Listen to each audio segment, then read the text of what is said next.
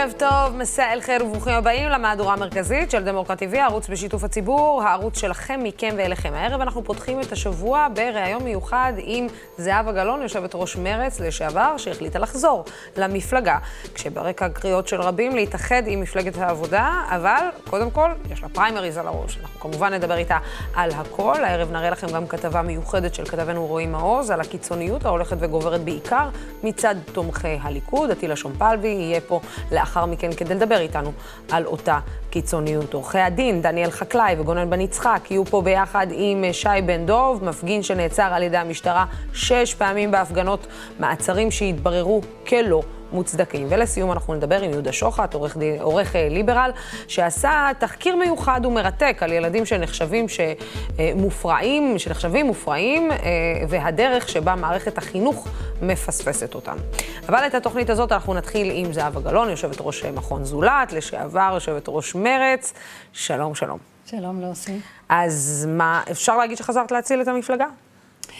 אני חזרתי, או אני חוזרת בעצם, כדי לוודא שמרץ לא תהיה על הקשקש. להרחיק אותה מאחוז החסימה. מרץ הייתה על ארבעה מנדטים מינוס. סקרים עכשיו מראים שבשבוע שמאז שחזרתי, מרץ עומדת, מרץ בראשותי, עומדת על שישה מנדטים.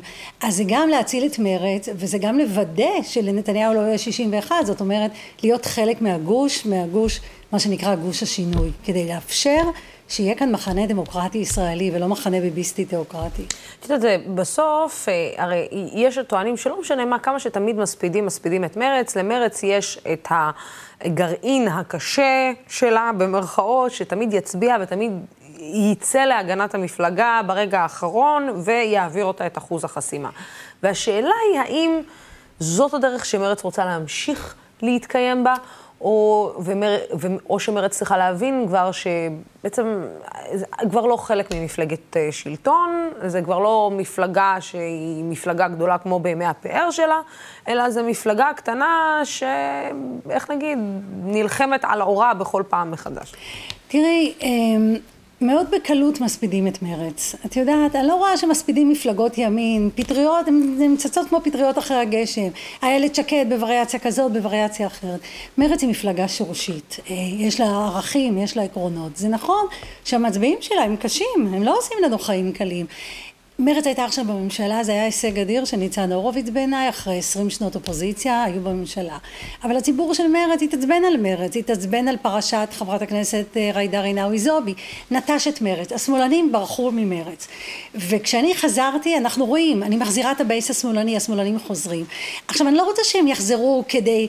אה, להציל אותנו, כדי לעשות קמפיין געוואלד מתוך רחמים. אני רוצה שהם יחזרו כדי שנהיה ראויים לאמון שלהם ושהקולות שלהם יצביעו למרצ ויוכלו להיות חלק מהגוש. אם המצביעים של מרץ יראו את התנועה הסיבובית הזאת, אם מצביעים למרץ, מצילים את הגוש, אני חושבת שאפשר לעשות כאן משהו גדול. אבל הרבה פעמים, אני, אני חושבת שבממשלת השינוי האחרונה, רגע לפני שאנחנו נעבור אה, שנייה לשאלה מהבית, אה, אני חושבת שבממשלת השינוי הזאת, מרץ מצאה את עצמה, על אף שהיא הייתה, אפשר להגיד, בערך אותם מנדטים, בערך כמו מפלגת העבודה, כמו מפלגת השלטון של נכון. בנט, כן? מצאה את עצמה מרץ מוותרת הרבה מאוד פעמים על העקרונות שלה שמאוד חשובים לה. אחד מהם היותר חשובים זה בעצם החזרת הסכסוך הישראלי-פלסטיני אל מרכז השולחן, כשממשלת השינוי הזאת באה ואומרת, אנחנו לא מדברים על הסכסוך הישראלי-פלסטיני, כשזה אחד מהדגלים הכי בולטים של מרצ. אני חושבת שאת צודקת. מרצ הלכה לממשלה הזו בצורה מפוקחת. הציבור של מרצ בכל סקר אפשרי הראה שהם רוצים לאחוז במקל בשני קצותיו. מצד אחד, להיות שותפים לממשלה הזו כדי שלא יחזור לנו בן גביר, סמוטריץ' ונתניהו, ומצד שני הם רוצים לקדם את המהלכים שאנחנו מאמינים בהם, סיום הכיבוש, פתרון מדיני, והם ידעו שזה לא יקרה. ואני חושבת שבסוף הציבור של מרצ, הוא גם היה בעדם וגם העניש אותם על זה. אני חושבת שמרצ בממשלה הזו, זה אני אומרת במידה קטנה של ביקורת, יכולה להיות קצת יותר תקיפה. הממשלה הזו הייתה יותר ימנית מאשר שמאלנית.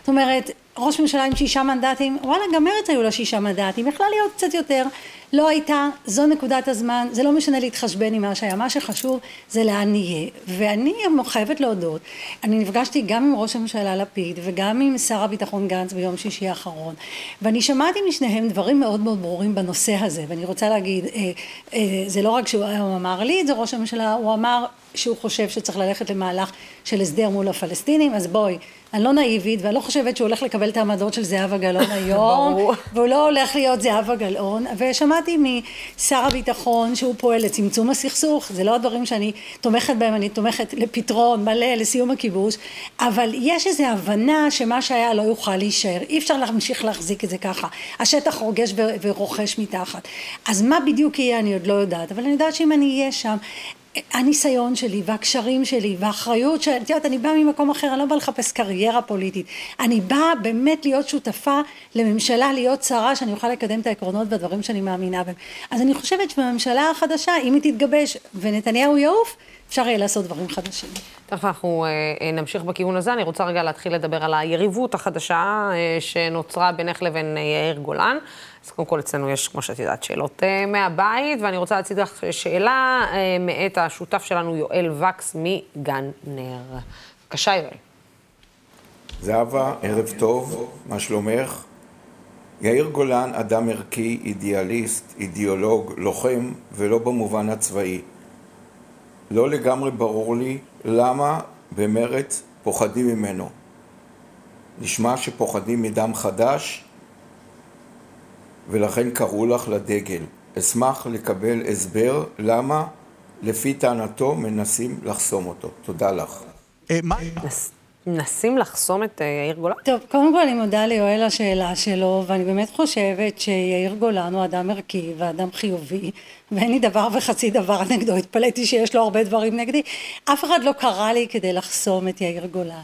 אני בשר מבשרה של מרץ, לוסי. אני משקפת את העקרונות והערכים של מרץ אה, הרבה מאוד שנים.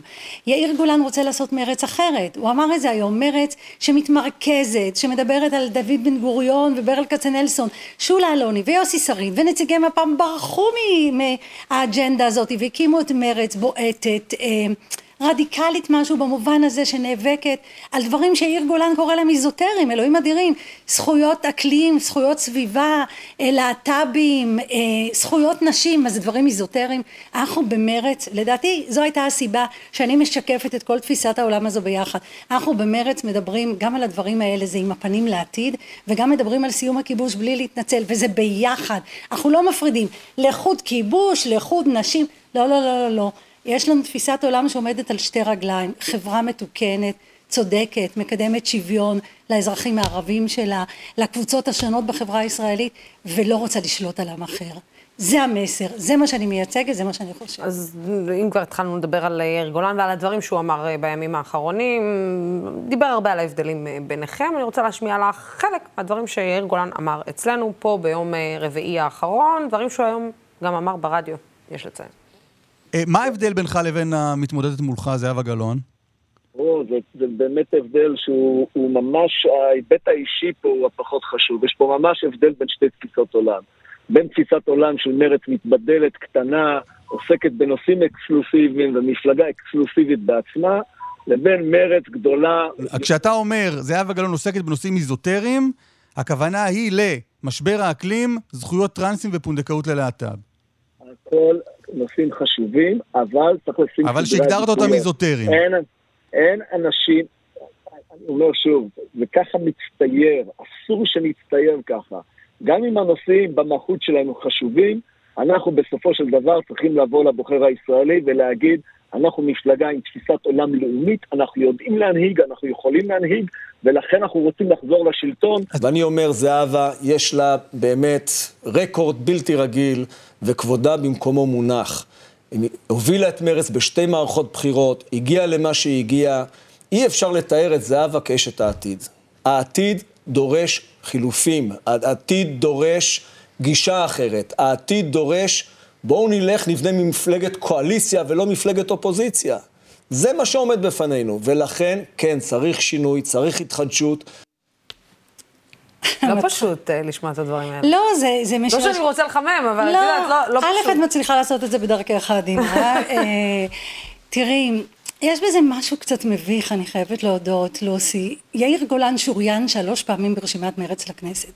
או אף פעם לא התמודד, ועכשיו כשהוא מתמודד, בעצם אנחנו שומעים את הדעות השמרניות שלו, יש כאן הבדל בין שתי השקפות עולם, בין מי שרוצה להיות במפלגה פרוגרסיבית, מתקדמת, צופה פני עתיד, עוסקת בסוגיות שהעולם עוסק בהן, הקשר בין אקלים, סביבה, לביטחון תזונתי, לביטחון בכלל, לשיתופי פעולה בסביבה כאן, בין ירדן לפלסטינים, הכל קשור, איך אפשר לנתק את זה, איך אפשר להגיד דברים כאלה. עכשיו אני רוצה להגיד עוד משהו, ותסלחי לי על חוסר הצניעות, כן?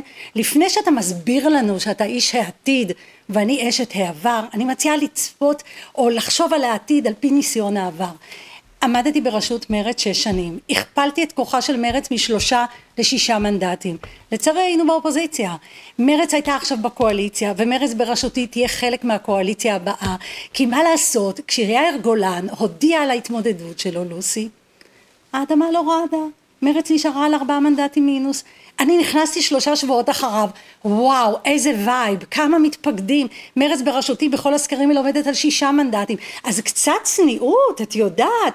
אני גם מוצאת את עצמי במבוכה, אני חייבת להגיד לך, אני מחבבת את יאיר גולן. אני סך הכל מיודדת איתו. חשבתי שאני באה להיאבק כדי שנתניהו לא יחזור לשלטון. אני צריכה להשיב על האשמות כאלה, שיש בהם אפילו איזה רובד מיזוגני או משהו, את יודעת, גילני אפילו. אשת העבר, הלו, אנחנו באותו שנתון פלוס מינוס. את יודעת, אני, אני מנסה להבין אה, למה הוא מתכוון אשת העבר. כי בסוף כששומעים, בוא נגיד, אחד הקולות הלוחמניים יותר, או אפילו יש שיגידו לפעמים ש, אה, שהתבטא לא תמיד בטקט המושלם, זה היה דווקא של יאיר גולן בקואליציה הזאת. זאת אומרת, הוא לא חשב פעמיים, הוא אמר את מה שיש לו להגיד, הוא, הוא תקף איפה שהוא היה צריך לתקוף, גם את אה, האופוזיציה, גם את הקואליציה איפה שהיה צריך. ואני מנסה להבין, הוא גם, אפשר להגיד, שחקן קבוצתי, אני מנסה להבין מאיפה זה מגיע. זאת אומרת, האם זה ההתמודדות ביניכם נטו, או שיכול להיות שבסוף זה באמת משהו שהוא מיזוגני.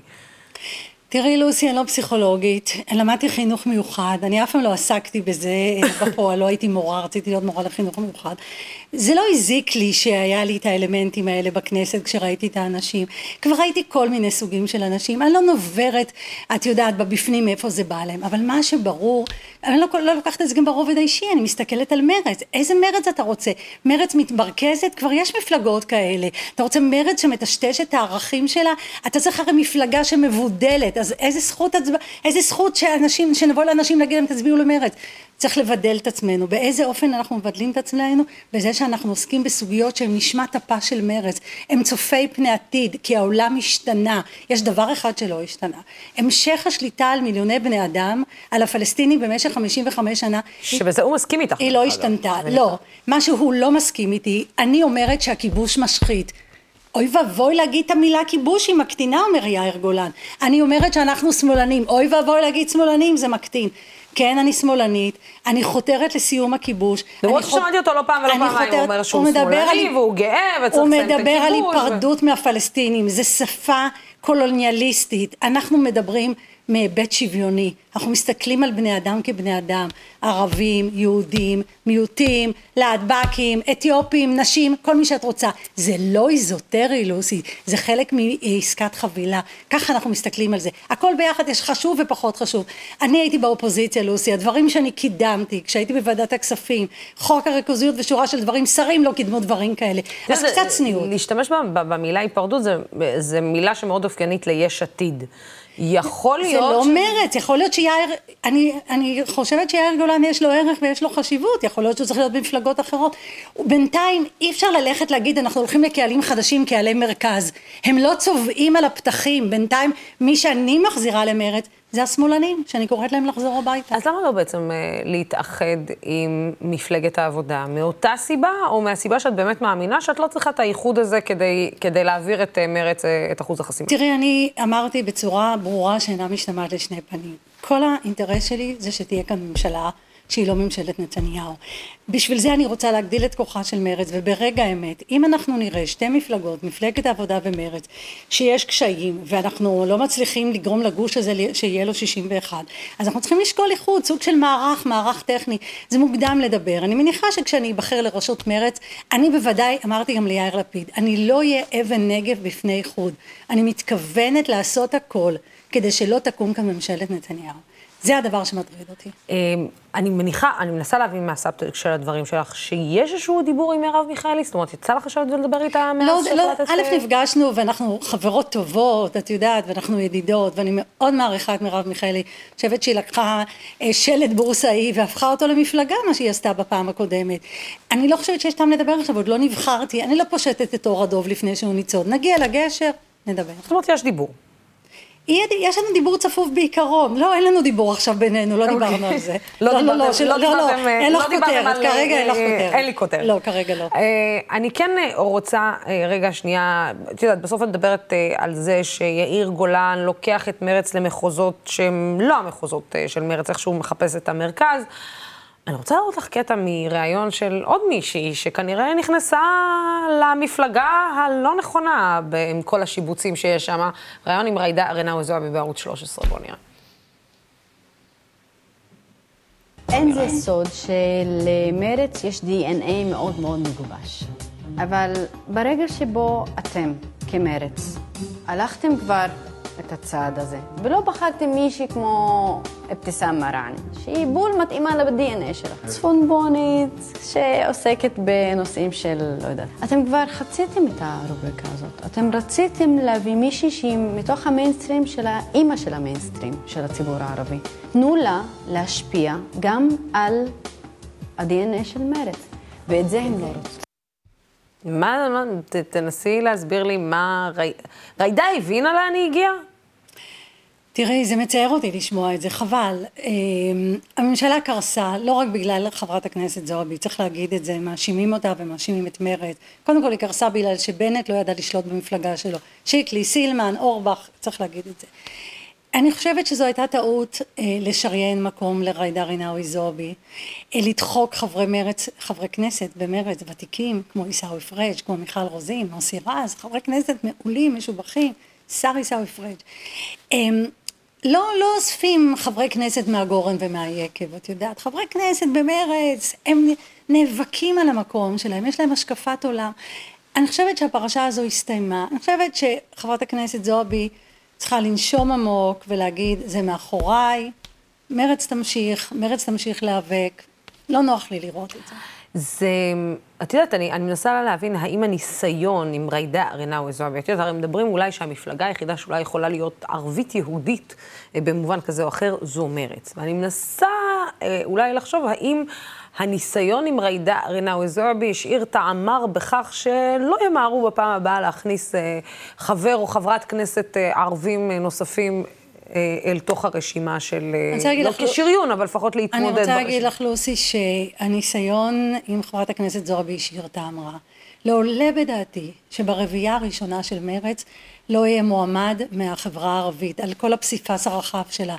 ערבי, דרוזי, בדואי, נוצרי, לא משנה לי, כן. מוסלמי, אני לא מוסלמי, כן, אני לא נכנסת לזה. לא עולה בדעתי שמרצ, שחרתה על דגלה שוויון, שותפות יהודית ערבית, לא תשים ברביעייה הראשונה שלה מועמד ערבי, אני אומרת את זה באופן כללי. פשוט לא עולה בדעתי. מה תעשו עכשיו כשעיסאווי בעצם החליט שהוא לא ממשיך אה, את הדרך? אז אני מצטערת שעיסאווי לא ממשיך, אבל הוא לא עוזב את מרצ, הוא נשאר שם, בגללו אני ב, ב, בדבר הזה, היה ראש הקמפיין שלי בלי שהוא שאל אותי בכלל, התחיל לדבר זהבה גלאון, זהבה גלאון. אה, יש מועמדים טובים במרצ, מועמדים ערבים טובים, אה, עם רקורד של עשייה. אני חושבת שמרצ, אני סומכת על שיקול הדעת של הבוחרים שלה, תיתן ביטוי לשותפות היהודית הערבית הזאת, שנפגמה. ש, ש, באסה, מה, מה אני אגיד לך? באסה. אבל זה לא אומר שאנחנו זנחנו את הדבר הזה. את יודעת, יש אה, מבקרייך לסיום, אה, יגידו שאת מדברת הרבה על הסגנון של נתניהו ושל התומכים של נתניהו והביביסטים וזה, והסגנון שלך, בוא נגיד, לא פחות, לפעמים עדין. מה אה, את בלשון אומרת? המעטה מ- מהסגנון את הזה. אומרת, אני אמרתי לשפוך אקונומיקה על הפרקליטות, או להעמיד אותם בפני כיתת יורים? תזכירי לי, לוסי. את, יש אמירות שאת כאילו אומרת, אולי לא הייתי צריכה להגיד אותן? לא, האמת שלא. אני עומדת מאחורי מה שאמרתי, לא תמיד זה נעים. ולפעמים אולי הייתי צריכה להגיד אה, משהו יותר עדין. אני לא מושלמת, אני לא מתיימרת, את יודעת. יש לי תפיסת עולם, יש לי אנרגיות, יש לי פה, ואני חושבת שבגלל זה אני במקום הזה. אה, זהבה גלאון, אה, כמה, אני יודעת שהנבואה ניתנה לשוטים, אבל כמה את מצפה? לא, אני לא יודעת, קודם כל מה שחשוב, שמרץ תהיה כמה שיותר גדולה, כמה שיותר חזקה, בגלל זה אני חוזרת. איזה תיק מעניין אותך במידה ו... או, יש לי תחרות קשה בראש, יש לי בלבלה, אני לא, לא רוצה להיכנס לזה, אני לא, לא רוצה לחשוב על זה עכשיו. לא, לא, בואו לא. בוא, ב- נ- בואי ננצח, תראי, לפחות. שלושה תיקים הם כי- קיבלתם אה, במרץ אה, אני ב- מאוד מקווה שזה יהיה לא פחות. אה, בממשלה האחרונה. בואו נראה מה יהיה באמת אה, בבחירות הבאות. זהבה גלאון, תודה רבה. תודה רבה, לוסי, כיף אנחנו להיות. כנראה נדבר עוד הרבה. כן. כן, בעוד רגע אנחנו נגיד שלום לעטילה שומפלבי מ-ynet, אה, שכבר נמצא איתי, אבל אה, היי עטילה, מה העניינים? היי לוסי, אה, שלום גם לזהבה גלאון, אם היא עדיין שומעת. כן, כן, היא עדיין שומעת אותך, היא עדיין שומעת. אתה רוצה לשאול אותה משהו, עטילה? האמת ש... האמת ש... שלא, אבל יש לי הערה מאוד מעניינת, אני חושב, לגבי מרץ, שחוזרת חזרה ל... לאימא. ואני חושב שאני משווה, ואני מקווה שזאת מחמאה, אני משווה את זהבה גלאון לשולה אלוני, כי נדמה לי שהמפלגה הזאת רצה חזרה לזרועותיה של זהבה גלאון, כי היא ראתה מה קורה כשבעצם מנסים לשחק על כל המגרש. וזהבה גלאון, במובנים מסוימים, היא מרץ הישנה, אבל עם אידיאולוגיה מאוד אה, איתנה וקשוחה, עם שינוי קל אחד, אתה לא פוסלת שלטון, וזה מעניין.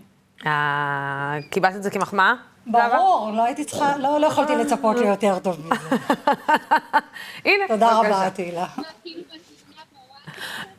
אה, כן, אז אה, עטילה, אני רוצה, קודם כל, זהבה, שוב, אה, תודה רבה לך. עטילה, אני רוצה רגע להראות לך את הכתב שלנו, רועי מעוז, כתב דמוקרט TV, אה, עשה כתבה על הקיצוניות הגוברת ועל מי שמגביר אותה, בואו נראה ביחד. פעם את בוכה ופעם. מערכת הבחירות הולכת וצוברת תאוצה, וכך גם מפלס הלחץ. רציתי לשאול מה לדעתך אה, הכי אפקטיבי לעשות כדי לשנות את מה שהולך בפרקליטות. עושים משפט ראווה, צובע קיר בצבע לבן, מעמיד אותם בשורה, אה, מוציא להורג, מוציא להורג. שמאלנים בוגדים, סכנה לישראל! השאלה היא, האם האלימות הזאת היא בשוליים כמו שכולנו מעדיפים לחשוב? או האם היא חלק מובנה שבוחש ואפילו מניע מתחת לפני השטח את המערכת הפוליטית? מי רצה למסור את הגולן? יצחק רבין יימח שמו וזכרו! קחו לדוגמה את הקמפיין הזה. שמאלנים בוגדים, בנט בוגד, רוצים נקמה.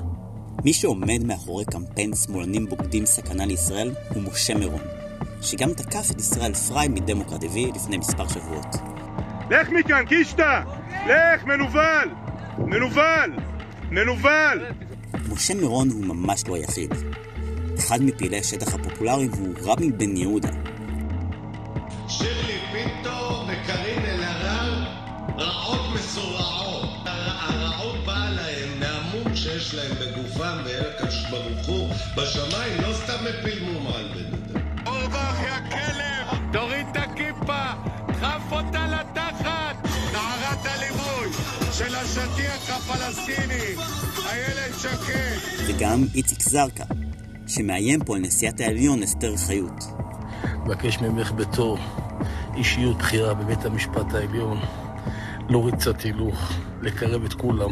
את יודעת על מה אני מדבר, שאף אחד לא יבוא אליך, תמשיכי את המלאכה שלך בצורה הכי יפה. ופה תוקפת עידית סילמן מימינה. עידית שקרנית! חבר שלי עושה אותה, יא אפס! עד כאן איציק זרקא, רחובות, תודה. לכן לא ברור מה גרם ליו"ר הקואליציה לשעבר, שמספרת שהיא מרגישה סכנה לחייה, אני באמת אה, הרגשתי שאני צריכה לשמור על עצמי בעת הזאת. להתחבק אחר כך עם התוקף. אני שולח לך מפה מסר, עידית סילמן, שמחתי לחבק אותך. פעם את בוכה ופעם ומה בדיוק מרוויח יושב ראש כחול לבן, בני גנץ, מההסתחבקות איתו? וכשמסיתים אלימים מקבלים חיבוק מפוליטיקאים, מה הפלא שפוליטיקאים בעצמם מרגישים בנוח להתבטא באלימות? הנה, שר התקשורת לשעבר. אנחנו נדרוס גם אם צריך את השמאל. גם הגורמים הכי רשמיים שיש במדינה, למעשה עובדי מדינה, נבחרי ציבור. הנה, תראו את שי אלון, ראש מועצה מקומית בישראל, מדבר בהפגנה מול הבית של איילת שקד. זה נשמה לעילוי נשמת הממשלה הזאת שתיפול, ונעלה אותה לשמיים, ככה נתפטר מהם. ומה התגובה של איילת שקד כשרת הפנים, שאחראית על תפקודו של ראש המועצה המסית? התגובה היא כלום. את התירוצים לא ראינו, לא הבנו את ההקשר, אותם מיצינו כבר בשנות ה-90. לפני הארון צועד ביבי נתניהו. בצומת הזאת, ולא רק בה, רואים ביצחק רבין את האחראי הישיר לפיגועי הטרור. אם וכאשר, חלילה, יהיה פה אסון, יצחק רבין, יימח שמו וזכרו נציג השמאל! מה יהיו התירוצים עכשיו? ידוע מראש. יא זקן מתועב. לך מכאן, קישטה! לך, מנוול! קיר יפה כזה, אתה יודע, צובע אותו בצבע לבן, מעמיד אותם בשורה, אה, מוציא להורג, מוציא להורג. אה, אתה יודע, טילה, אני כאילו בכל פעם מחדש שאני מסתכלת, שומעת את האמירות האלה, אני שואלת את עצמי, איפה מערכת החוק? איפה המשטרה? איפה בתי המשפט? איפה האכיפה? איך הדבר הזה, איך נבחרי הציבור שלנו ממשיכים לקבל את זה כאילו הכל טוב? בני גנץ מסתחבק עם בן אדם כאילו שיודע מה הוא אומר ומה הוא אמר עליו. אתה יודע, אני אומרת, אוקיי, בליכוד זה נשלח, אבל אתה יודע, נתפס במצלמות שלנו ככה, כבדרך אגב מאחורה, שגם הוא מדבר איתו. מה קורה פה, אטילה? מה, זה חוקי משחק שהשתנו לחלוטין? קודם כל, כן. אהבתי את המשפט של הכתב שאמר, אנחנו אוהבים לחשוב שהם נמצאים בשוליים. אז קודם כל בואו נכיר בעובדות. הם לא בשוליים, הם בצנטרום של הצנטרום של הפיילה. הם הכי קרוב לצלחת, הם הכי קרוב לראשי המפלגה שממנה הם באים. הם הכי מחובקים ומסתקבקים ומצטפקים עם ראשי המפלגה הגדולה במדינת ישראל. אז הם ממש לא בשוליים, זה קודם כל. לגבי התהייה שלך, האם מערכת המשפט צריכה להתערב, אם המשטרה צריכה להתערב, אני בעניין הזה הרבה יותר זהיר ממך, לוסי, אני לא חושב שהמשטרה צריכה להתערב בכל התבטאות, אנחנו מדינה דמוקרטית, אנחנו יודעים וצריכים לספוג גם אמירות שהן לא נעימות, וחלק גדול מן האמירות האלה הן באמת לא נעימות, אבל הן לא עוברות את הסף שהופך אותן לפלילי. ואני גם לא הייתי רוצה שהמשטרה תהיה זו שתרדוף אחרי פעיל פוליטי כזה או אחר, שמתבטא בצורה חריפה או קיצונית. יש גבולות, ואת הגבולות האלה כמובן אסור לעבור. קריאה לרצח, קריאה לפגיעה, קריאה לאלימות, גזענות וכדומה. כשאומרים, אבל, אבל אטילה, כשאומרים בספייס להעמיד אה, מול קיר לבן ולהוציא אותם להורג אחד-אחד, זה כבר לא, זה כבר לא דעה פוליטית. נכון, אני מסכים איתך. לכן אמרתי שחלק מן האמירות אני לא רוצה לשמוע שהמשטרה מתערבת, אבל יש אמירות אחרות של קריאה לאלימות, חד משמעית. ובקש, ובהקשר זה כמובן, יש למשטרת ישראל אה, לאן לפנות, קוראים לזה החוק הישראלי. החוק הישראלי מאפשר לפנות לאנשים שקוראים להמרדה, קוראים לפגוע במוסדות המדינה, בעובדי ציבור, קוראים אה, לייצר מצב של כאוס וכדומה, יש איך לטפל בדברים האלה. אני מציע באמת למשטרת ישראל לפנות לחוק, לבדוק, ואם מישהו עובר על החוק, לחקור אותו. אתה יודע, השאלה היא איך בעצם הפוליטיקאים שלנו אה, מגיבים לדבר הזה.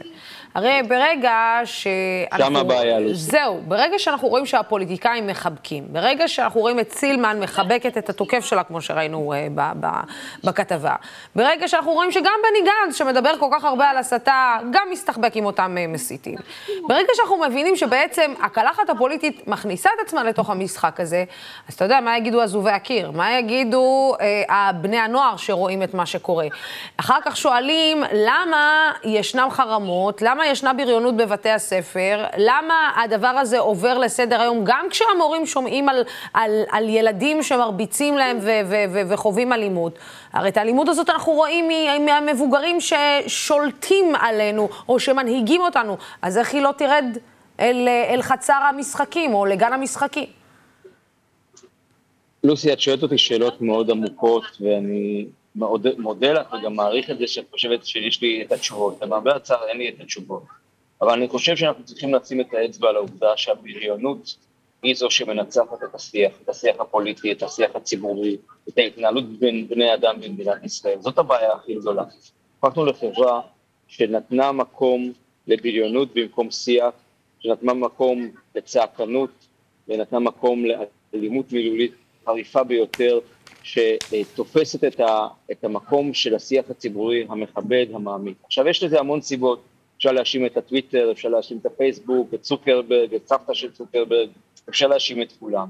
אין ספק שכשפוליטיקאים במדינת ישראל, ופה אני לא שם אצבע ספציפית על אף אחד, אבל כשפוליטיקאים במדינת ישראל, מנהיגים, מעודדים את השיח הזה, בין אם בשתיקה או בין אם בתמיכה, או בין אם בחיבוק, או ברטבות, או בשיתוף, אזי היה לנו להתפלא. כאשר את רואה פוליטיקאים שלא מנסים להנחיל שום סוג של שיח אחר, והם קופצים רק כשאנחנו מגיעים לקצוות הקיצוניים והמסוכנים ביותר, את מבינה היטב שיש כאלה שמסיתים את תומכיהם ללכת בקו הזה. זה חד, זה ברור, אי אפשר להתבלבל בנושא הזה. אבל אתה יודע, אה, אני כאילו, אני, אני מבינה את אה, מה שאתה אומר, והשאלה היא, הבאה שלי היא, האם אנחנו גם בתקשורת לא פשענו וחטאנו בעניין הזה? האם אנחנו, בזה כן, שנתנו כן, במה... התשובה היא כן. התשובה היא כן. הלכנו להצגה, ולא ידענו לשים את הפילטרים, ונרמלנו, נרמלנו הרבה מאוד אנשים והרבה מאוד תופעות. מצד שני, אני רגע נותן לנו הנחה. תראי, לוסי, אנחנו במאה ה-21. כל אחד מהכתבה שהופיע, יש לו ערוץ משלו, פייסבוק משלו, טלוויזיה משלו, וידאו live משלו. אנחנו לא באמת יכולים כבר לשלוט על הדבר הזה. נכון שאנחנו צריכים להיות הרבה יותר קפדניים במי אנחנו מזמינים לאולפנים שלנו, ולהציב אותם אה, בפני שאלות אולי יותר עמוקות, אם כי אני חושב שהסיפור זה לא לשאול את השאלות, כי היום אנשים באים כדי אה, להתמרכז אם תרצי. אני לוקח אנשים כמו בן גביר, שאני מודה, הוא מתוודה, אני נפלתי במלכודת המאוד מתוחכמת של איתמר בן גביר, ואני מודה שאני מחבב אותו ברמה האישית, שלא יבינו אותי פה שיש לי פה איזה חיבה להתנהלות או לאמירות שלו. אבל כשאתה מדבר עם הבן אדם, סתם מנהל שיח איתו, מדובר בן אדם לכאורה סבבה. את מבינה למה אני מתכוון? אבל... אני, אתה יודע, אני קשה, אני קשה לי לראות אה, את, אה, את איתמר בן גביר אה, כבן אדם סבבה, ולו רק מזה שאני חוויתי את, את נחת זרועו ונחת זרועו של עוזרו על בשרי לא פעם ולא פעמיים, ובפעם השנייה הייתה שמיד אחרי שהעוזר שלו, אתה יודע, אני לא זוכרת אם אתה זוכר את זה, אבל מיד אחרי שהעוזר שלו הדפיס את התמונה שלי על סמרטוט רצפה ואמר, הם עוד יעשו לנו ספונג'ה, הוא עלה ודיבר. לדבר. אז אתה יודע, אני, אני זוכרת שכשאני דיברתי על התופעה הזאת של איתמר בן גביר ו, ו, ואדון, אה, העוזר שלו, שאני אפילו לא רוצה להגיד את שמו, אה, אה, אז אמרו לי, מה את... אה, לוסי, יש בעיה. להבה זה הקיצון לוסי, של הקיצון. זה לא, מה את עושה דרמה, אל תתייחסי אליהם. זה, זה, את, את פומפוזית, את דרמה קווין, את פה ואת שם, והנה, חמש, שש שנים לאחר מכן הם יושבים בלב הכנסת.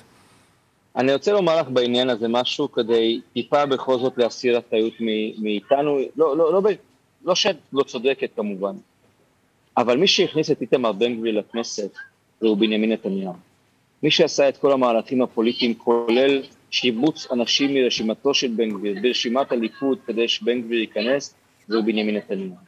אז, את יודעת, אפשר להתנגד, ואתה יכול לא להזמין אותו פעם אחת, או להזמין אותו פעמיים, וחודשיים, ושלושה, ושנה.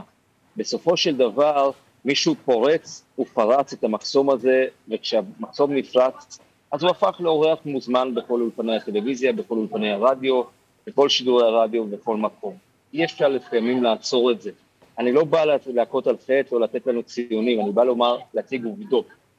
עכשיו, השאלה היא כזו, האם אתה משאיר את השוליים הקיצוניים בשוליים, או שאתה מצפה שבאמצעות שיח מכבד, שיח מתוחכם, שיח נורמטיבי, אתה דווקא מושך אותו דווקא, דווקא, דווקא, טילה, אני רוצה להזכיר לך ש, ששמיר לא היה מוכן, ראש הממשלה שמיר לא היה מוכן לשבת באותה, באותה מליאה כשהאנשים האלה נכנסו, וה, והאנשים שמאמינים באותה תורה מאמינים, לוסי, היו, לוסי, היו לוסי, בתוך אבל, המליאה. אבל... ואומנם זה אולי זמנים אחרים, אבל... 1989, לא, 88, אבל, נכון, 86. אתה צודק, לחזור לשנים האלה אולי לא, אבל הקוד של ההתנהגות הוא אותו קוד התנהגות, זו שאלה מה אתה, למה אתה נותן לגיטימציה. ואתה לא, יודע, גם לא אנחנו יכולים. למתוח, אנחנו, אנחנו כן יכולים למתוח את הקו כעיתונאים ולהגיד, לזה אני לא נותן במה. אוקיי, אז, אז, אז זאת שאלה, זו דילמה מאוד רצינית. משום שאני אומר עוד פעם, אם הנרטיב או השיח משתנה, האם אני רוצה שאדם ששינה את לשונו למשל, את שפתו, האם אני רוצה לנהל איתו איזשהו שיח כדי לשמוע את דעותיו? כן. האם אני יכול להתעלם מן העובדה שהוא נמצא כרגע בפריים טיים של הפוליטיקה הישראלית? לא. האם אני יכול להימנע מלשאול שאלות? האם יש לנו את הפריבילגיה הזאת, לוסי, להתעמת עם אנשים באמצעות שאלות, באמצעות עובדות? האם יש לנו את הפריבילגיה הזאת, את הלוקסוס הזה, אם תרצי, לשבת בצד ולהגיד, איתו אני לא מדבר. עכשיו שוב, אם בן אדם מגיע ומקלל ומגדף ומסית לרצח או לאלימות, חס וחלילה, רגלו לא תידוח באולפנים, אבל זה לא משהו, ש... אבל זה משהו, בטוח. אטילה, אבל- שמאכיל אחד את השני, אתה יודע. הרי ברגע שאיתמר בן גביר, ואנחנו עשינו כאן בדיקה בדמוקרט TV, מקבל את, דקות, את מספר דקות השידור, הוא קודם כל הפוליטיקאי המסוכר ביותר, הוא מקבל את מספר דקות האוויר הגדול ביותר מבין כל חברי הכנסת. זאת אומרת שיש פה בעיה, אצלנו בעיקר. צריך לסקר, אין שום בעיה. אפשר, אבל לא צריך להביא אותו ולהפוך אותו לאורח קבע יש. בתוך... לא יש. צריך... אתה יודע, אני, אתה לא, אני לא צריכה להגיד לך שכשדובר מתקשר ואומר, אני רוצה שהוא יבוא אליכם, אה, אז אה, אתה יודע, יש חברי כנסת שאומרים, לא מעניין, לא מעניין. אפשר גם להגיד על איתמר בן גביר, לא מעניין, ולהפוך אותו ללא קודם מעניין. כל, קודם כל זה תלוי, תלוי מה הסיטואציה. אם איתמר בן גביר מקבל 13 מנדטים בסקרים, אז, ויש התפתחות מעניינת, אפילו דרמטית בזירה הפוליטית בתחום הזה, הוא כן מעניין. איתמר בן גביר לא נמצא כל יום באולפנים שלנו, איתמר בן גביר לא מבקר כל שבוע באולפנים שלנו, הוא מגיע ואנחנו רוצים לדבר איתו כשיש התפתחויות פוליטיות, למשל כשיש דרמה בינו לבין סמוטריץ', או שיש איזושהי מתיחות בתוך המפלגה המשותפת שלהם, או שיש התפתחויות מעניינות בגזרה של אה, כן תומכים ולא תומכים בנתניהו עם רע"מ. אה, אתה לא יכול להתעלם מן העובדה שהוא שחקן, ושוב אני אומר, אם הבן אדם היה מגיע, וזאת שאלת הביצה והתרנגולת כמובן, אם הבן אדם היה מגיע לאולפן, מגדף, מקלל, אה, ממשיך להסית לאלימות וכדומה, מן הסתם הוא לא היה דורך באולפן. אבל כשאתה מייצר שיח שהוא נורמטיבי יותר, הוא, הוא, הוא במסגרת הדיון הנורמטיבי, שאתה רוצה שהוא יתקיים אגב, גם עם הקצוות הבעייתיים, אתה רוצה שהוא יתקיים. אני מזמין גם את שחאדה, את אבו שחאדה אני מזמין אותו לאולפן אה, מבל"ד. אני מזמין גם את איימן עודה ואת אחמד טיבי, את כולם אני מזמין, ואת זועבי, כולם היו אצלי. לא, ב, לא, ש- ב, לא באותה מידה, אה, אתה יודע את זה טוב מאוד, אטילה, שלא באותה מידה של בן גביר. אני מצטער, לוסי, שאיימן עודה עומד מול שער שכם. זה אותו, מבחינתי זה אותו דבר. מוסלמים. זה מבחינתי אותו אותו דבר. דבר. אותו דבר. אותו אבל, דבר. אבל אני לא צריכה להגיד לך אותו. שאיתמר הזמנתי בן גביר. ואיתמר בן גביר מקבל עדיין יותר דקות אה, מסך מאיימן עודה וסמי אבו שחאדה לצורך העניין, אתה יודע. אין אין מה להשוות. אני. חושבת שאם אתה תש- אתה. תשאל את רוב העיתונאים, רוב העיתונאים לא יודעים מי זה סמי אבו שחאדה, אבל בסדר. אין אה, לי, אין, לי את, אין לי את כל התשובות לשאלות האלה. יש דינמיקות, ברור שיהודים וערבים הם לא שווי דקות שידור, בואי, לא צריך לה- להתייפף כן. פה. ובסופו של דבר אני מבין את השאלה שלה, ויש פה דילמה גדולה מאוד ובעייתית מאוד, ואני מסכים איתה שצריך לשאול את השאלות האלה. השאלה היא, מה הגבול שאתה שם? זאת השאלה המרכזית, ומה אנחנו דורשים מהפוליטיקאים, כי אנחנו כל הזמן אומרים למה הפוליטיקאים לא מגנים שיח אלים. וכשמגנים שיח אלים אז אנחנו אומרים, טוב, אז למה אנחנו מזמינים אותם לאולפן עכשיו? הם כבר לא מדברים בצורה כזאת.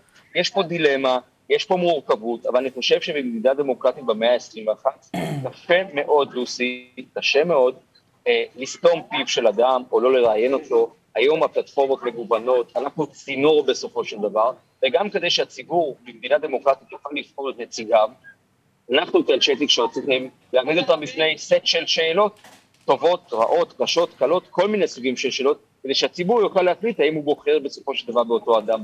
אני לא בטוח שאנחנו כעיתונאים יכולים להגיד לבן אדם, אלא אם כן שוב, הוא חוצה את כל הקווים האדומים, שאנחנו לא כן. מדברים איתו. זה הסיפור, זאת הסוגיה, ולגבי הכמות, כל אחד יעשה את השיקול שלו. אז אני רק אבקש ממך טובה, בפעם הבאה שאתה מראיין את בני גנץ, אה, כי אליי הוא לא מגיע, כי אני הגיעה שמועה לאוזניי שישנה החרמה מהצד של בני גנץ אה, לכיוון שלי, אז תשאל את בני גנץ מה הוא עושה שם, מתחבק עם אה, אדון זרקא כזה ומסתחבק איתו. נראה לי. שזה זה יהיה שווה לשמוע את, ה, את התגובה שלו. תגיד לו, לוסי שאלה. אין בעיה, קיבלת. עטילה שמפלבי, תודה רבה לך על תודה, השיחה הזאת. טוב. תודה, אהוב. אה, כן, הבחירות הקרובות, ונראה כרגע שאף מפלגה לא ממש מטרגטת את אה, אנשי המחאה מבלפור, אה, כדי לדבר איתנו על המחאה וגם על הקשר שלה לבחירות, וגם כדי לדבר על הדרישה לפצות אנשים שקיבלו דוחות לא מוצדקים בזמן המחאה. אני רוצה להגיד ערב טוב לעורכי הדין, דניאל חקלאי, שלום, שלום. היי. אה, תכף יהיה איתנו גם גונן אה, בן יצחק, ושי בן דב, מפגין שנעצר על ידי המשטרה שש פעמים בהפגנות, מעצרים שהתבררו כלא מוצדקים. שלום, שלום. שלום, שלום. גם לך. אה, כן, אה, אתה רוצה להתייחס לזה? שש פעמים לעצור בן אדם, ואז להגיד שזה לא מוצדק, וזה מתברר שזה לא מוצדק? כאילו, מילא פעם ראשונה, טעות, פעם שנייה, טעות, פעם שלישית, טעות, פעם רביעית, חמישית, שישית, וכנראה שאולי אם זה היה ממשיך זה גם היה שביעית, שמינית ותשיעית? מדובר בשיטה. אה, במשטרת ישראל יש... התשה, כאילו? התשה לא להגיע להפגנות, לא, להפחיד, לה... כן, לאיים? התשובה היא כן. תראי, במשטרת ישראל יש גם יחידות משטרה אה, מצוינות והגונות ששומרות על שלטון החוק ועל המשטר הדמוקרטי. לצערי יש גם תרבות כזב ואלימות שמתפשטת בחלק מיחידות המשטרה. זה בא לידי ביטוי במשטרת מחוז ירושלים בשנים האחרונות.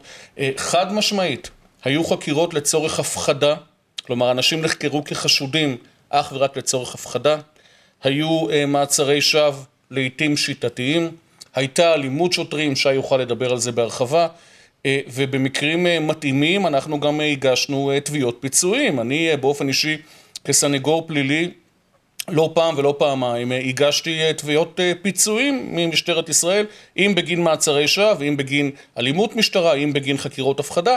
הדברים הללו אגב לא אה, רלוונטיים אך ורק למחאת בלפור, בכלל לגבי מפגינים והצורך לשמור על חופש הביטוי, למשל המחאה בכיכר גורן, מעצר שווא של אורן סימון, הצלחנו לחלץ מבית המשפט 30 אלף שקלים, לטעמי אגב עדיין סכום נמוך מדי, אבל בסופו של דבר כן. זו בהחלט שיטה שנועדה להפחיד. תנסה להסביר לי מה הולך בחדר החקירות כשעוצרים אותך בפעם הראשונה, השנייה, השלישית, הרביעית, החמישית, השישית. את קופצת ישר לחדר חקירות, ברור. אבל זה גם חשוב להתחיל ממה קורה עוד לפני זה, כי באמת, אחד הדברים שחשוב לזכור וחשוב לציין מההתחלה, זה שמחאת בלפור הייתה מחאה לא אלימה. לא היו קריאות אלימות, ואם היו גילויי אלימות, הם נעצרו על ידי המפגינים באופן מיידי. אף אחד לא רצה לראות לא רכוש נהרס ולא חייו או בריאותו של אדם נפגעים. ברור. ולכן מראש המעצרים היו מעצרי שווא שיטתיים כדי לדכא את המחאה. מה קורה בחדר חקירות? דבר ראשון, אתה מתחיל בתור אזרח רגיל שמוצא את עצמו מפגין פעם ראשונה, נחשף לכל מיני אמירות בפעם ראשונה, כמו הפרת סדר ציבורי, תקיפת שוטר, הפרעה לשוטר בעת מילוי תפקידו, חסימת צירים, אה, התנהגות לא נאותה, המרדת הציבור וכהנה וכהנה, עוד כל מיני, שלל דוגמאות ססגוניות. חלק מהעבירות הללו הן עבירות שצריך להוציא אותן מספר החוקים, כי המהות שלהן היא פגיעה בחופש הביטוי וההפגנה. תמשיך. ובנוסף לזה, גם הרבה מאוד מהדוחות וההליכים המשפטיים שנגררים מאז בלפור, הם קשורים למעשה לאכיפה בררנית שהייתה תחת כותרת של שלום הציבור ובריאות הציבור בתקופת הקורונה. כשלמעשה אנחנו יודעים היום שחולקו אין ספור דוחות על אי עטיית מסכה, על אי שמירת מרחק, במטרה אחת בלבד שזה להבהיל אנשים פשוטים נורמטיביים מלהגיע למחאה. אנשים שאקט כזה, ששוטר ניגש אליך ועוצר אותך או מאיים עליך, זה מפחיד אותו, זה ללא ספק דבר שישפיע עליו. אני למשל עד היום נגרר עם אה, דוחות שקיבלתי על אי עטיית מסכה. אגב, אחד הדוחות האחרונים זה דוח שלא ניגש אליי אפילו שוטר בזמן הפגנה. אני קיבלתי את הדוח אחר כך הביתה. איך הם ידעו לזהות אותי? ובכן, כי היה להם את הקלסרים שלהם עם הפרצופים והשמות, הם ידעו לזהות אותנו, אני גם במקרה הייתי מסתובב בתלבושת של גיבור על, אז היה מאוד קל לזהות אותי, אבל אה, ללא ספק היה פה עניין בררני, ואני חושב שגם נחשפו אחר כך פרוטוקולים של שיחות בין בכירי המשטרה בירושלים שהוכיחו שהייתה אכיפה בררנית סביב הנושא הזה. אז עד היום אני נגרר בבתי משפט על אי עטיית מסכה, חברים שנגררים על דברים הרבה יותר גרועים מזה. שדברים שיכולים להשפיע על, על הרישום הפלילי שלהם לנצח נצחים. אגב, אחרי שהכל מתברר כ... עור ופרח. אה, בדיוק, אה, בעצם נמחק התיעוד הפלילי, או שזה okay. אוקיי. נשאר אני, אני אומר, ככתם? זו שאלה טובה, אני רוצה גם לומר משהו לגבי המתחם שבו יש למקם את השאלה, הכי בקצרה שאני בוא. יכול.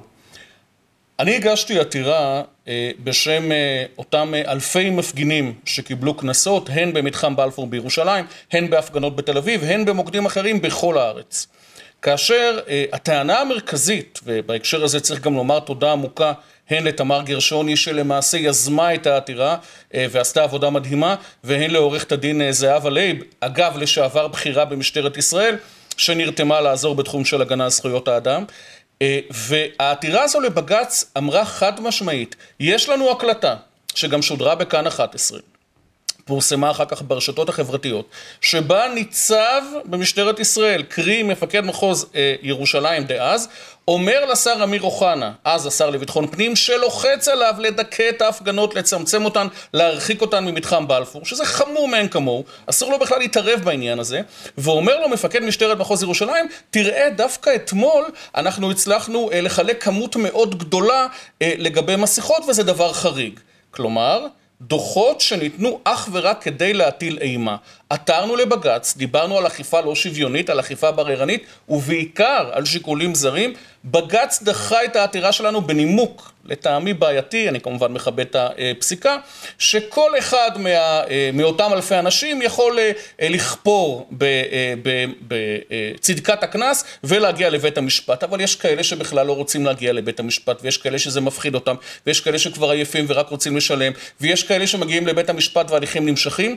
בהקשר הזה, אחרי שבג"ץ דחה אותנו, אני חייב לומר, הגשנו גם בקשה למחלקת החנינות במשרד המשפטים. אנחנו מקווים אה, שאכן יקשיבו לנו ותהיה איזושהי חנינה כללית, כמו שהיה בזמנו אגב לגבי אנשי ההתנתקות, אלה שהפגינו נגד ההתנתקות מרצועת עזה, הנסיגה הקרקעית מרצועת עזה, ובהקשר הזה אה, אני מקווה שגם חברי הכנסת ממחנה השמאל והמרכז יתעוררו, כפי שבזמנו חברי כנסת מהימין דאגו אה, לציבור שלהם. כן, והייתי שמח ברשותכם רק להגיב משהו אחד למה שהוא אמר, כי באמת זה לא רק המערכת המשפטית כרגע שאכזבה אותנו, אלא זו גם המערכת הפוליטית שאכזבה אותנו.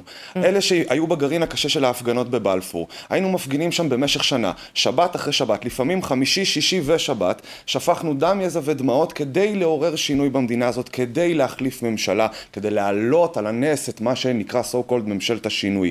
ובסופו של דבר יצא שביום אחרי הבחירות, כמו כל סיפור פוליטי אחר, נשכחנו, הופקרנו, כמו שהמפלגות הפוליטיות של הימין ידעו לדאוג לאקטיביסטים שלהם אחרי מחאת ההתנתקות, הם היו צריכים גם לדאוג לנו. הרי אנחנו בסופו של דבר תרמנו... שמתם אותם שם. ס... אז לא יכול התאמרתי להגיד, שמתם שמתם... אותם שם? אוקיי, אז זה לכל בסדר, אפשר הפחות הדברים. שאנחנו עשינו תרמו לכך, והדוגמה הכי פשוטה זה זה שחברי כנסת אפילו הודו שליל ההצבעת אי אמון לממשלה, מה שנקרא ליל החניונים, היה לגמרי בהשראת בלפור ובהשראת המצורים של בלפור. אז כמו כל פוליטיקאים אחרים, בסופו של דבר הם קיבלו את הכיסא, ויום אחר כך שכחו שאנחנו קיימים. אני והחברים שלי עדיין נגררים בהליכים משפטיים, כל פעם שאני הולך לבית משפט, זה על חשבון יום עבודה שלי, זה אומר שלתלמידים שלי אין מורה. חברים שלי שגם כן עובדים בחינוך או בכל תחום אחר ממשיכים להיגרר, חלקם עם השלכות מאוד מאוד חמורות. אז אני שואל, איפה ממשלת השינוי, ואיפה מפלגות ה-so called שמאל, שהיו אמורים לגבות אותנו? גונן, אה, אני רוצה רגע לצרף אותך לשיחה הזאת. אתה שומע את השיחה הזאת, עורך הדין כמובן, גונן בן יצחק. טוב, גונן, אנחנו חברים, אז אני כל הזמן שוכחת לתת את הטייטל אה, לפני. אבל עורך הדין אה, גונן בן יצחק, אתה שומע את הדברים האלה. האכזבה... בוא נוסיף לאכזבה ממערכת המשפט, לאכזבה ממערכת האכיפה, גם את האכזבה הפוליטית בנוסף להכל, של, של מפגיני בלפור, שבסופו של דבר לא רק שלא הגנו עליהם בשטח, לא רק שהם יצאו לממש את זכותם הדמוקרטית, אלא גם כשבעצם הם יוצרים את השינוי בעזרת מימוש הזכות הדמוקרטית, הם, איך נגיד, אוכלים אותה פעם אחרי פעם אחרי פעם, גם מהפוליטיקאים שהם עיצבו שם. אז קודם כל, ערב טוב אה, לוסי, לך, לדניאל ולשי. אה, אני רוצה מאוד לחזק את הדברים שדניאל ושי אמרו.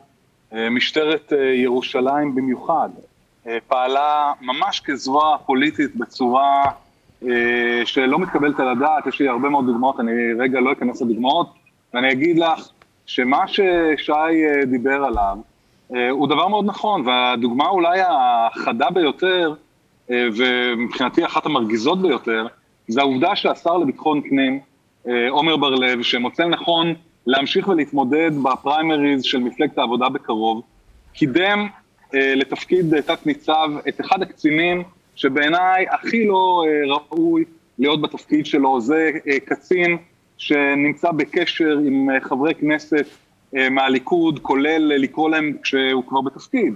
בטוויטר לאחד מחברי הכנסת הוא כותב יא נסיך, ושר אחר שהוא נמצא איתו בקשר ומדווח לו בזמן אמת דברים שקורים בחקירה, למרות שהדברים האלה אסורים, ואותו שר, אני מדבר על אמיר אוחנה, כותב את הדברים אה, בפייסבוק שלו שעות אחרי שהייתה שיחה שלי כעורך דין עם אה, אותו קובי יעקבי שהיה אז מפקד אה, משטרת אה, מוריה, ובסופו של דבר באים דווקא אנשים שאנחנו שלחנו, שרצינו מהם שינוי. עכשיו, אני לא מצפה מעומר בר-לב לבוא ולנקום את נקמתנו בקצינים שלא מוצאים חן בעינינו. אני כן ציפיתי מעומר בר-לב, אמרתי לו את זה גם... לעשות שיעורי בית. באופן. לעשות שיעורי בית, ויותר מזה, בדברים היחידים, תראו, צריך להבין, שר ביטחון פנים, בניגוד נגיד לשר ביטחון, אין לו הרבה יכולת ממש להשפיע על המשטרה. איפה המקום שיכול להשפיע? למשל, בנושא של מינויים, אישור או אי אישור של מינויים. עומר בר-לב, אני אומר את הדברים האלה פה פעם ראשונה, עומר בר-לב שלח אדם אליי, ביוזמתו, לא ביוזמתי. הוא רצה לשמוע מה שיש להגיד, אני מכבד את זה. אמרתי את הדברים בצורה מאוד סדורה. הבאתי דוגמאות שנוגעות לניצב, לתת ניצב אה, קובי יעקבי עוד לפני שהוא אה, מונה, ועומר בר-לב החליט לצפצף על הדברים האלה, לירוק בפרצוף של המפגינות והמפגינים שחטפו מקובי יעקבי, ובכל זאת לקדם אותו. אז בסוף אני אומר, ואמרתי לו את זה גם לפני, אמרתי לו, אם אתה מקדם אנשים שהם אנשים אלימים, שנהגו בצורה אלימה, שמגבים, תראי את הגיבוי שמקבל ניסו גואטה, ניסו גואטה, קצין סדיסט, הורשע בבית משפט אצל נשיאת בית המשפט השלום בראשון לציון, אחת השופטות שנחשבות הנוחות ביותר למשטרה, הורשע בעבירה של תקיפה של מפגינים, תקיפה של מפגינים, שוטר בכיר תקף מפגינים, ואגב, הוא עמד לדין רק על שניים מתוך המקרים. היו שם עוד שני מקרים מאוד חמורים, שעליהם הוא לא עמד לדין, הם מגבים אותו, והם אומרים שהקצין הזה הוא קצין מוערך ומלח הארץ. זה מלח הארץ? האיש פירק במכות מפגינים שלא עשו לו שום דבר רע, מפגינים שהפגינו אה, בצורה חוקית, פירק אותם מכות, זה לא אני אומר, כמי שקשור למחאה. בית המשפט אומר את זה. ועומר בר-לב נותן גיבוי לאנשים האלה, אז אני אה, באמת אומר, אם אלה האנשים שאנחנו שלחנו לכנסת, מה לנו כנלין על, על, על אמיר אוחנה ועל האנשים האחרים? כן, אנחנו כמובן אה, גם אה, נבקש את התגובה של עומר בר-לב אה, לדברים האלה, אבל אתם יודעים, מה שמעניין אותי בתוך כל הסיפור הזה, זה האם בכלל המשטרה היא גוף שאפשר לקרוא אותו לסדר חד כי, משמעית. כי זה נראה שלא, כי זה נראה שהמשטרה עושה מה שבא לה, ממנה את מי שבא לה.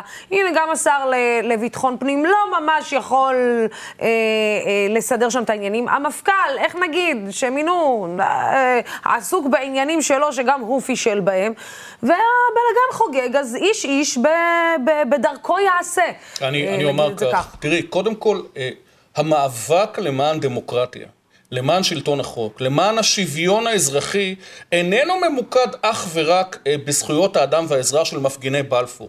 אנחנו מדברים כאן על מאבק למען משטר דמוקרטי, למען זכויות אדם ואזרח ולמען אה, שוויון לפני החוק. כי אני, אני, אני חייבת רק, סליחה שאני אה, מתפרצת לך לדברים, כי אני חייבת לציין שאת האלימות הזאת שאנחנו ראינו כלפי המפגינים, אנחנו רואים אותה כלפי קבוצות מאוד מסוימות בחברה הישראלית. קודם כל אזרחים חשוב גם לזכור שיחסית לאלימות שאנחנו חטפנו, אילו היינו קבוצת אוכלוסייה אחרת, אחרת, האלימות הייתה הרבה יותר גרועה. זהו, אם זאת היינו אומרת, אתיופים או לא עלינו ערבים, ערבים, זה היה נגמר בפיקות או שחורות או חרדים, במוות. או ולכן, חרדים, או אני חרדים אומר, יש להגיד. אגב, זו גם הטענה המרכזית שלנו כנגד הכיבוש בגדה המערבית.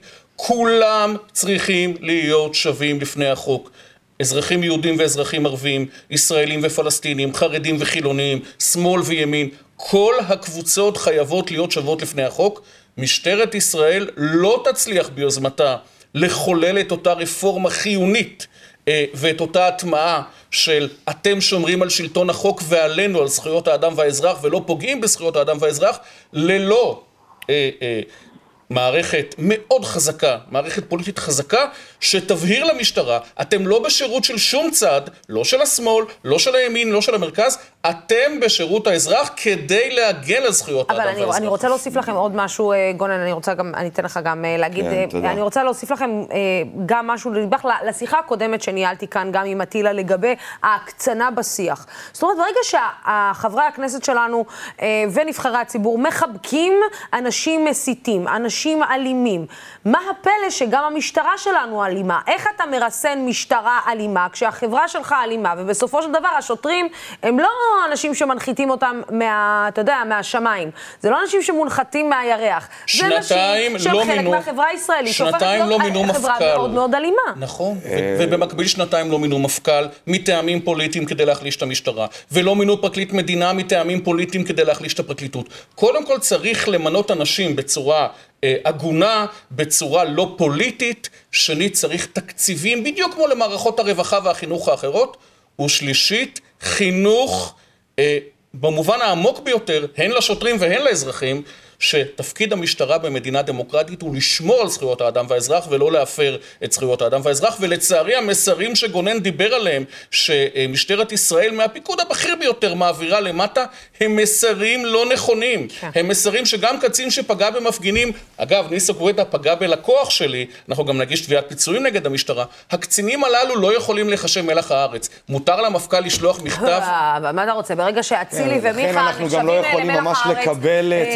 מהגוף הפוליטי. סליחה, אבל הגרעין הקשה שהתחיל בבלפור והמשיך אחר כך למחאות אחרות, בין אם זה מחאה בשייח' ג'ראח או בין אם זה התו הירוק או לא משנה מה, הסיפור הזה של אלימות משטרה זה לא נושא חדש. זה קיים משחר המדינה, הפנתרים השחורים ידעו את זה הרבה לפנינו, המפגינים בכפר קאסם ידעו את זה הרבה לפנינו. הסיבה שהמשטרה שלנו אלימה היא בגלל שאנחנו העם אפשרנו לזה לקרות. כי כשפיצצו את מכות את הערבים אני לא אמרתי כלום, וכשפיצצו מכות את החרדים לא אמרתי כלום, וכשפיצצו את האתיופים לא אמרתי כלום, עכשיו זה פתאום אני מופתע שזה כאילו בא אליי. הישועה לא תבוא מהגוף הפוליטי, סליחה, בקטע הזה אני חולק עליך. הישועה תבוא מעם, מאזרחים שלוקחים אחריות. וזה מה שאנחנו ניסינו לעשות בבלפור, לא רק להילחם בשחיתות או להפיל פוליטיקאי כזה או אחר, וזה בטח לא התחיל והסתיים בביבי. זה היה צריך ללכת למקום הרבה יותר עמוק של שינוי עמוק ותיקון עמוק וריפוי עמוק של החברה הישראלית. ולכן הישועה הזאת הייתה באה מהעם מלכתחילה ולא מהפוליטיקאים. והראיה לכך היא שאחרי שהפוליטיקאים שאנחנו הכנסנו למקום הזה נכנסו וקיבלו את הכיסאות שלהם, יום אחר כך לא רק שהם שכחו אותנו והפקירו אותנו להנחות, הם גם התחילו לכנות אותנו בכל מיני שמות כמו מפיצי מחלות ודברים אחרים. אז תודה רבה באמת שקיבלתם את הכיסא ממני ויום אחר כך אני מרסס דלתא כמו מיטת מקלע. אז באמת תודה רבה, אני לא יודע איפה הזכויות אדם של מר ניצן הורוביץ היו כל כך חשובים לו כי יום אחרי הבחירות הוא זרק אותם מחוץ לחלון והרבה אנשים במערכת הפוליטית זרקו את כל העקרונות שלהם מחוץ לחלון. לי באופן אישי ולהרבה אנשים בגרעין הקשה של בלפור ובמחאות של אחר כך אין יותר אמון במערכת. לכן היוזמות של תמר גרשוני שדואגת לנו, אה, מפגינה אחת משלנו שדואגת לנו, באמת דואגת לנו, זה העזרה האמיתית שאנחנו יכולים לקבל ולא מהפוליטיקאים שיבטיחו לנו לפני הבחירות שהם יעזרו לנו ויום אחרי זה ישכחו אותנו. אז תודה רבה באמת על כל מה שקיבלתם מאיתנו. עכשיו אולי תצדיקו סוף סוף את הקיום שלכם שם כי את הדברים הכי בסיסיים שהייתם צריכים לעשות לא עשיתם, אוקיי? אתם לא גיביתם את המפגינים ששמו אתכם, כמו שאת אומרת, סליחה, לא שמו אתכם איפה שאתם נמצאים, זה דבר שני. דבר שני, לא, חוקק, לא חוקקתם את חוקי הנאשם, שזה היה צריך להיות הדבר הראשון על האג'נדה של ממשלת השינוי, להגביל את קדנציית ראש הממשלה לשתי קדנציות ולוודא שנאשם בפלילים לא יכול להקים ממשלה, והדבר השלישי זה לבטל כבר את חוק הסמכויות ולהחזיר את ישראל להיות דמוקרטיה. על אל, אלה הדברים הכי בסיסיים, בלי זה אנחנו אפילו לא יכולים להתחיל לדבר על שוויון, או לתקן את המשטרה, או לעצור את הכיבוש, או לשפר את החינוך, כל עוד אנחנו, האזרחים, מאפשרים לדברים האלה לקרות מלכתחילה. אני מסכים לחלוטין, אגב. אה, תודה. זה תלוי באזרחים. אני, אני... אם הצלחתי להשתיק את לא, לוסי. לא, תקשיב, אין לי מה להגיד, כי אני מדברת על הדברים האלה, וכל פעם לפעמים אני, אה, תוקפים אותי אה, גם הצופים שלנו, של מה יש לך נגד ממשלת השינוי, מה יש לך נגד ממשלת השינוי. אה, וזה מה שיש לי נגד ממשלת פשוט השינוי. אכזבו אותם, כמו כל פוליטיקאים זה מה שהיה לי אחרים. נגד ממשלת לא השינוי. הצדיקו את מקומם. אה, ועכשיו אתם מבינים למה. כי כשאתה בוחר אנשים, אה, אנחנו כאזרחים צריכים להזכיר לאותם אנשים ששמנו אותם שמה, למה הם נבחרו שמה. ולא להגיד, איזה יופי, בנימין נתניהו לא נמצא, ובוא בוא רק נשתוק כדי שבנימין נתניהו לא יחזור. הפלא ופלא, הנה אנחנו בעוד בחירות. אה, דניאל חקלאי, תודה רבה לך. אתה עוד תחזור לפה, שי. תודה כי רבה, נשמח לבוא תודה שוב. רבה. ועורך הדין גונן בן יצחק, יש לי עוד הרבה מה לדבר איתך, אבל לצערי אה, נגמר הזמן. רציתי לשאול אותך איך זה יכול להיות שהמשטרה אה, עוצרת מפגינים כמו שי, אבל לא עוצרת את אה, רמי בן יהודה, ולא רוצה- עוצרת את איציק זרקא, ולא עוצרת את כל החבר'ה, ה- אתה יודע, עם השמות המאוד מפוארים, רק שפיהם לא יוצאים. אם אתה רוצה לענות לי במשפט וחצי, אני אשמח. כן, אני, אני בדיוק חוזר מדיון בבית משפט בקריות של אה, אדם אה, מבוגר שהועמד לדין על אה, כביכול הסתה נגד אה, ראש הממשלה, ועברתי שם אה, מול בית משפט על אה, אה, עשרות אה, תלונות שהגשתי, ממוסמכות, כולן עם הקלטות, עם צילומי מסך, עם מה שאת רוצה, ושום דבר אה, לא נעשה. אה, תראי, אין לנו משטרה. האמת היא שאין לנו משטרה. המשטרה רקובה לחלוטין, והבעיות של מדינת ישראל הן הרבה מעבר לרק ביבי לא ביבי, למרות שכמובן אני חושב שהדג בעניין הזה מסריח מהראש, אבל אנחנו נמצאים בתקופה מאוד מאוד קשה עם uh, מפכ"ל שלא מתאים, שנכשל בכל דבר שהוא נגע בו, החל משומר חומות, דרך האסון הנוראי במירון, דרך הרבה מאוד דברים אחרים, דרך העובדה שמדינת ישראל מדממת. יום יום נרצחים ונרצחות פה אה, אה, אזרחיות ואזרחים, בעיקר במגזר הערבי, שום דבר לא קרה. אנשים אה, נרצחים, ובמקום שייתנו לו בעיטה בישבן ויגידו, אדוני, אתה את הקרדיט שלך סיימת, בוא נביא מישהו שיודע לעבוד, אה, ממשיכים אה, להגן עליו. זה כרגע המצב, ואני אה, אומר לך את האמת, אני, סליחה שאני ככה בעניין הזה חוזה שחורות, אני לא רואה בזמן הקרוב שינוי גדול. יופי. אללה יבשרק בלחיר, אה, כמו שאומרים, אה, ואתה יודע למה אני מתכוונת, אה, גונן, גונן בן יצחק, עורך הדין גונן בן יצחק, תודה רבה לך על השיחה הזאת. אנחנו רק נגיד את תגובת חבר הכנסת יאיר גולן לדבריה של זהבה גלאון בתחילת המשדר שלנו. את מרבית חיי עשיתי בתוך המציאות הבלתי נסבלת בשטחים. אני נחוש לפעול להיפרדות מהעם הפלסטיני. אין דבר חשוב מזה. ההבדל ביני לבין זהבה הוא שאני מאמין שצריך בשביל זה קהל בוחרים. האשמות הציבור של הציבור בקולוניאליזם רק מרחיקות אותנו מהמשימה. מחר, אה, דרך אגב, אה, בשש, אנחנו אה, נשדר לכם בשיחה אישית בריאיון שלי עם השחקנית רות אסרסאי. אני רוצה להראות לכם קטע קטן, ואנחנו נמשיך מיד לסוף המהדורה. הוא אמר לי, נסעתי ברכב, וקרה שהיה לו איזה בלאגן באוטו, והאוטו הפסיק לעבוד. והוא, והוא עצר בצד, הוא היה לפי החוקים, לזה. הוא אומר לי, רותי, איך שהניידת הגיעה, עצר אותי שוטר, ידעתי לאן זה הולך.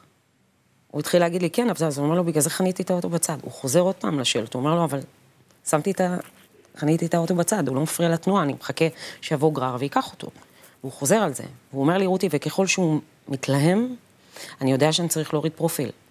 אני יודע שאני צריך להוריד פרופיל. הוא אומר לי, והגיעה עורכת דין, ש- שהיא קלטה את הסיטואציה מרחוק. ואם היא לא הייתה מגיעה, יכול להיות שהייתי מסיים במקום אחר. כן, אה, זה רק חלק מהשיחה מחר בשש אה, עם אה, רות אסרסאי. אתם באמת רוצים לראות את זה, אתם גם תבינו שזאת בערך אחותי התאומה. רק שתדעו, ואם אתם רוצים לדעת למה אני מתכוונת, תראו מחר בשש.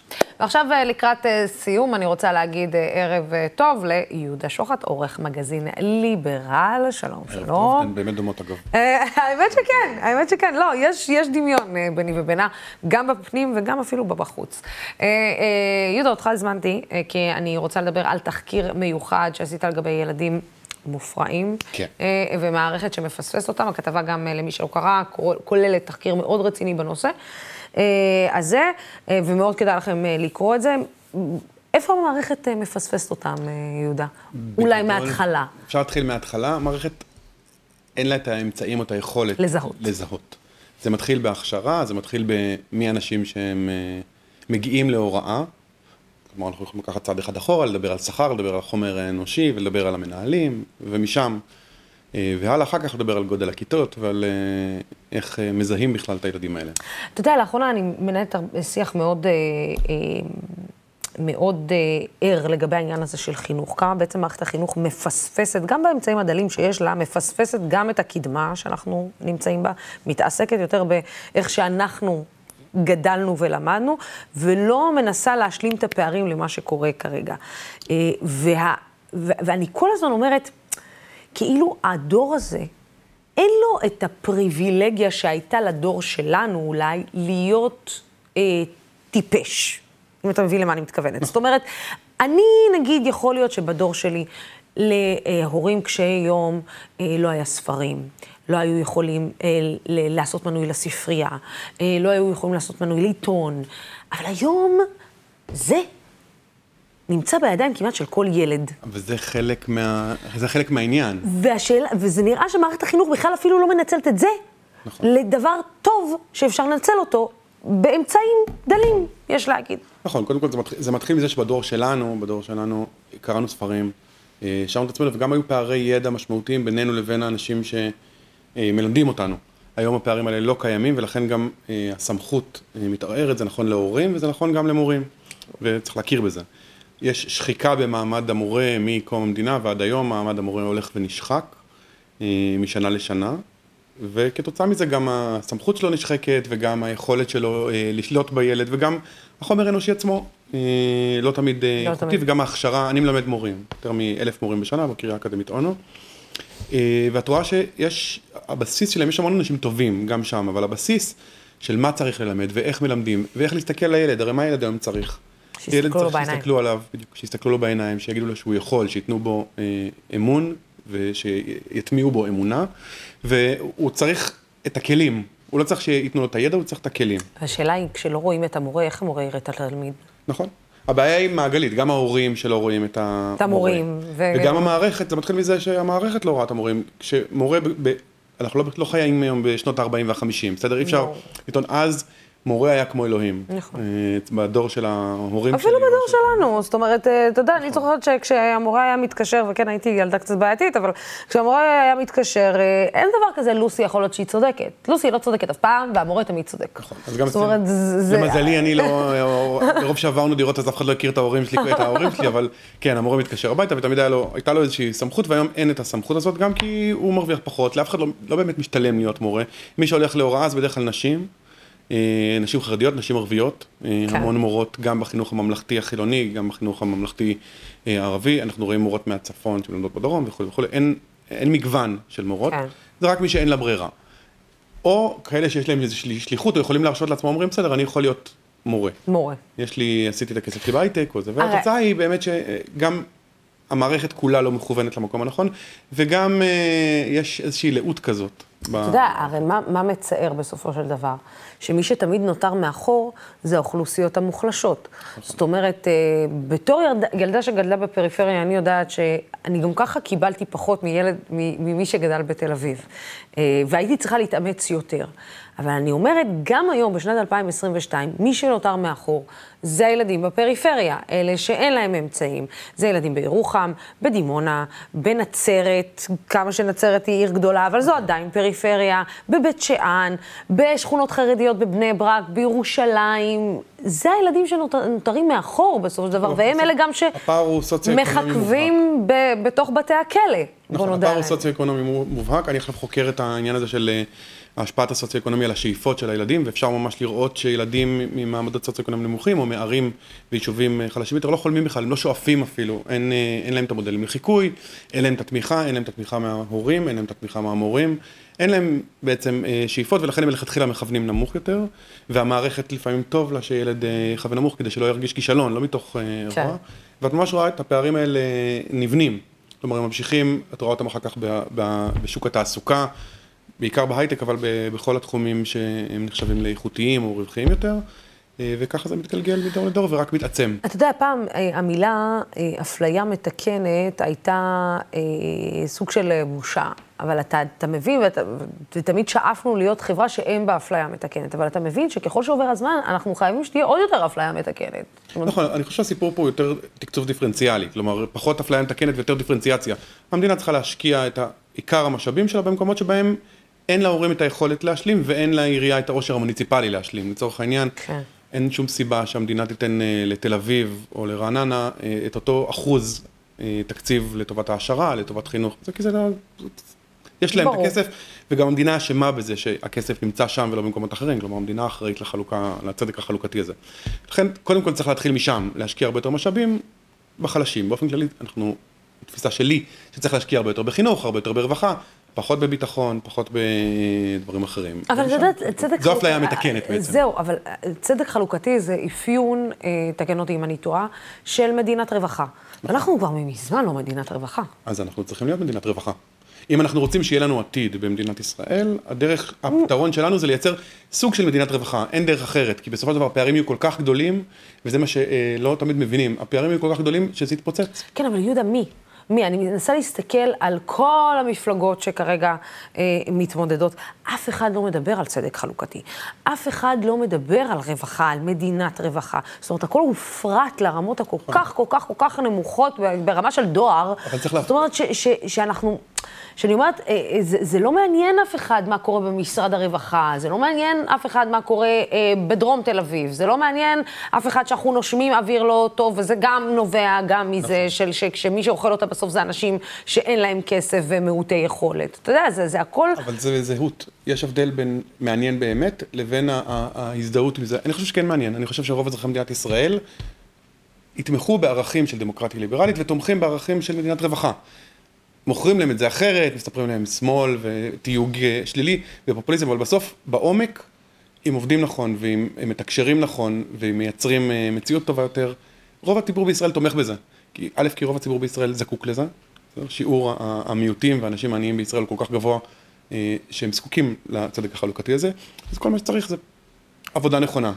הפוליטיקאים מסכים שהם אמורים להוביל, הם לא אמורים לפחד.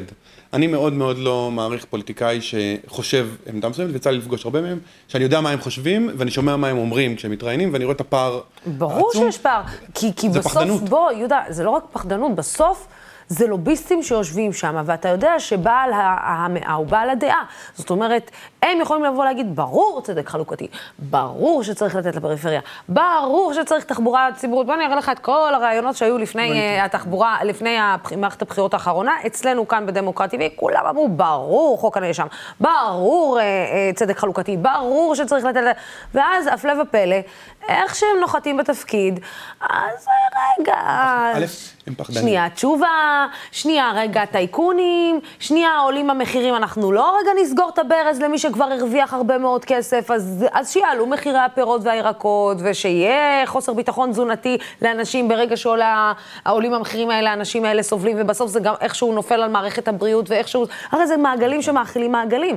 אז אתה יודע, אז אני שואלת את עצמי בסוף, אם אנחנו, אנחנו מדברים על, התחלנו מזה שאנחנו מחנכים את הילדים. אם לא מחנכים את ההורים של הילדים, אם לא מחנכים את ההורים של ההורים של הילדים, אז איך אנחנו נחנך את הילדים? בסדר, זה, זה חלק מהתפקיד שלנו, של תקשורת, זה חלק מהתפקיד של uh, מגזר שלישי וזה חלק מהתפקיד של פוליטיקאים. זה לעסוק בחינוך של הדור הבא, זה לעסוק בתקשור. יש פוליטיקאים שעושים את זה, יש פוליטיקאים שמאמינים בצדק חלוקתי וגם פועלים. הם מעט יחסית, והבעיה היא גם בתקשורת שלא נותנת להם תעודה, כי הם לא צועקים מספיק. ברור. הם לא עסוקים בצעקות. וזה גם חלק מהשינוי שנדרש, זה גם אה, אנחנו לדעת לתגמל את מי שפועל באמת ואת מי שעושה באמת ולא את מי שצועק יותר. אה, שזו גם אחריות שלנו. בגדול. אגב, מה האחוז של אותם ילדים מופרעים שמצליחים לצאת אה, מהמעגל הזה? קשה להגיד. קשה להגיד. אני הייתי ילד מופרע שהמערכת לא ראתה, ומצאתי את עצמי בזכות המון אנשים אקראיים, בזכות מנהל בית ספר טוב, מצאתי את עצמי במקום שבו אני נמצא היום. אני מניח שרוב הילדים שהמערכת מפספסת לא מצליחים. בסופו של דבר את שומעת על מי שכן מצליח, כי את מי שלא מצליח את לא רואה. ברור. מתחת לרדאר. לא רק שזה, או שאתה לא רואה, או שהוא נמצא בבית סוהר, או שהוא כאילו, אתה בבית יודע. סוהר או עסוק בניסיונות להישרדות, ולכן גם אין לו זמן בכלל להרים את הראש ולחשוב, וזה חלק מהבעיה. אנחנו, אזרחי ישראל, מוכנים בכלל אה, למערכת בחירות שבה אנחנו שמים את הנושאים האלה בראש סדר העדיפויות, כמו במחאת 2010, שבעצם אמרנו יוקר המחיה, ואז קם לו, אתה יודע, בזמנו יאיר לפיד עליו, וכחלון, ועל הטיקט הזה, והרבה מאוד... זה מוכיח לך. שכן. זה מוכיח לך שכן. אה, כן, צריך להזיז הצידה את סוגיית אה, כן ביבי, לא ביבי. בסופו של דבר זו סוגיה שמעפילה על כל המערכת ומעוותת אותה. ברגע שהיא תזוז הצידה, אני מניח שלא תהיה ברירה. אה, גם העיסוק היום ביוקר המחיה, צריך להודות, הוא פופוליסטי. ברור. הוא לא עיסוק בסוגיות של מהות, הוא עיסוק בסוגיות אה, טכניות יותר. ברור. אה, ויש, בסדר, כל העולם אה, נוטה לפופוליזם ולקיצוניות מפה, לתנודות מפה אה, לשם, ואני כן מאמין שזה תהליך שהוא הפיך, אחרת אה, אכלנו אותה, בגדול. מה אני אגיד לך, לא הייתי יכולה לסיים אה, ראיון במשפט יותר, יותר מרנין מזה. אם לא, אז אכלנו אותה.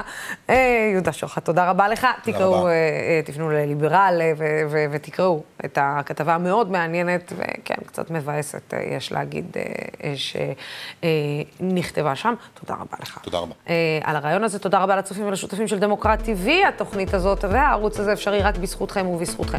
בימים כמו אלו, כמו שאתם שומעים בתוכניות, הולכת ומתחדדת החשיבות של ערוץ תקשורת שלא מפחד להביע עמדה נחרצת בעד הדמוקרטיה ובעד שלטון החוק, בעד המאבק בשחיתות ובעד מגוון של דעות. בינתיים, עד מחר, סלמת.